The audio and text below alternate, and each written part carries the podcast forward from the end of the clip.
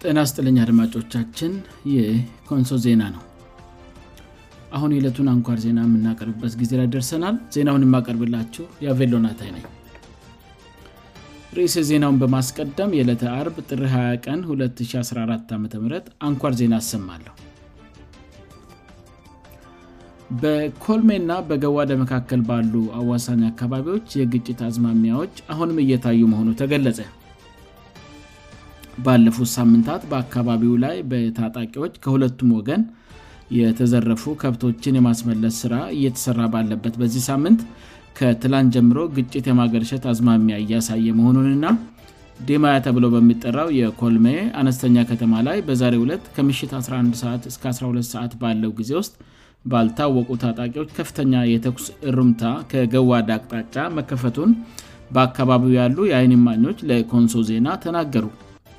በሁለቱ ህዝቦች አዋሳኝ አካባቢዎች ላይ በሚንቀሳቀሱና ተደጋጋሚ ዘረፋና ጥቃት በሚፈጽሙ ህገወጥ ታጣቂዎች የተነሳ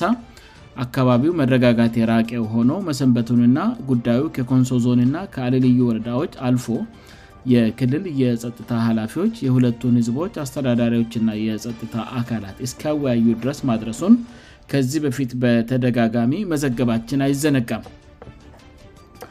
ይሁንና በዚህ ሳምንት የተዘረፉ ከብቶችን የማስመለስ ሥራ በተቋቋመው ንብረት አስመላሽ ኮሚቴ በኩል መጀመሩንና ከትላንት በስቲያ ማለትም ጥ 18 ቀን 2014 ዓም ከሁለቱም ወገኖች የተዘረፉ ከብቶች ለማስመለስ መቻሉን የኮሚቴው አባል ከሆኑት ከአቶ ጉደታ ኩተኖ ለመረዳት ችለናል ከትላንት በስቲያ ከአካባቢው ኅብረሰብ ጋር በትብብር በተሠራ ሥራ ከአሌልዩ ወረዳ የተዘረፉ 14 ከብቶች ተመላሽ መደረጋቸውን በተመሳሳይ ደግሞ በኮሎሜ በኩል የተዘረፉ ሰት ከብቶች 20 ፍየሎችእና 20 በጎች ተመላሽ መደረጋቸውን አቶ ጉደታ ተናግረዋል ቀሪዎቹ ከብቶችን በተመለከተም ኮሚቴው ለነጌ ቅዳሜ ጥ21 ቀን2014 ዓ ቀነቀጠሮ መያዙንም አቶ ጉደታ ጨምረው ተናግረዋል ይህ በእንድ እንዳለ ትላንት ከገዋዳዋ እያና ቀበለ በተሻገሩእና ማነታቸው በውል ባልታወቀ በቡድን በሚንቀሳቀሱ ሰዎች በቦርቀራው ካለንጎ አካባቢ ንብረትነቱ የአቶ እንግዳ ቃበታ እና ኩሰ ቃበታ የሆኑ የድርቆሽ ክምሮች መዘረፋቸውን በተመሳሳይ ጊዜ ደግሞ ሀያ አህል እንደሚሆኑ የተገለጹ በቦርቀራ ቀበለ ሳይሶላ አቅራባ በሚገኝ ታይና በተባለው አካባቢ እርሻ ላይ ሲሰራ የነበረ አቶ ፊዳ ትለሆ የተባለን አርሶ አደር ከእርሻው ማባረራቸውንና የእርሻ መሣሪያዎቹንና የዘር እህሉን መዝረፋቸውን ከአካባቢው ያገኘነው መረጃ ያመለክታል በተጨማሪም ትላንት 11ሰዓት አካባቢ ወደ ቦርቀራዋ ዲማያ ከተማ ጥይትም መተኮሱን ተከትሎ በአካባቢው ላይ ውጥረት መፈጠሩን ይባስ ብለም ደግሞ ዛሬ ማምሻውን ከ11 እ12 ሰዓት ባለው ጊዜ ውስጥ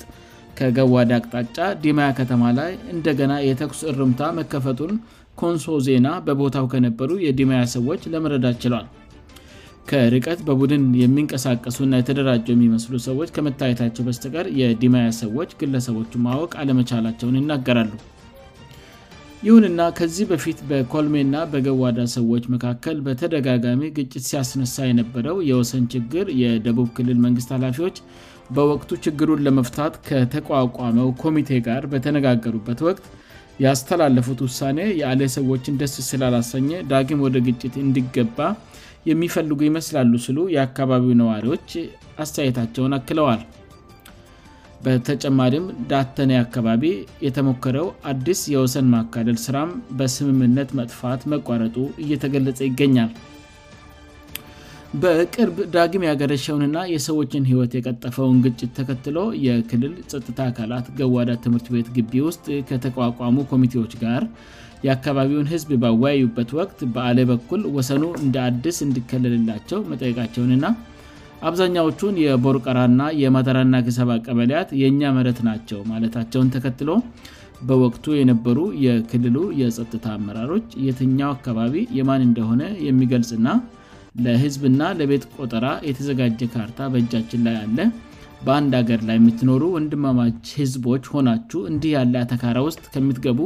እርስ በእርስ ተሰባጥራችሁ በምትኖሩባቸው አካባቢዎች የኮልሜ ሰዎች ለምኖሩበት የገዋዳ ቀበለ ግብር ይክፈሉ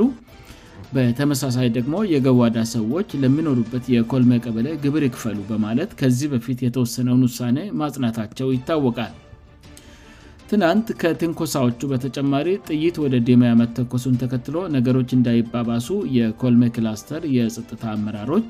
ከአልልዩ ወረዳ አመራሮች ጋር በስልክ የተወያዩ ቢሆንም ዛሬ የተደራጀ በሚመስል ቡድን የተኩስ ርምታ በዲማያ ከተማ ላይ መከፈቱን ችግሩን እጅግ አሳሳቢና ትኩረት የሚሻ ያደርገዋል ስሉ የአካባቢው ነዋሪዎች ገልጸዋል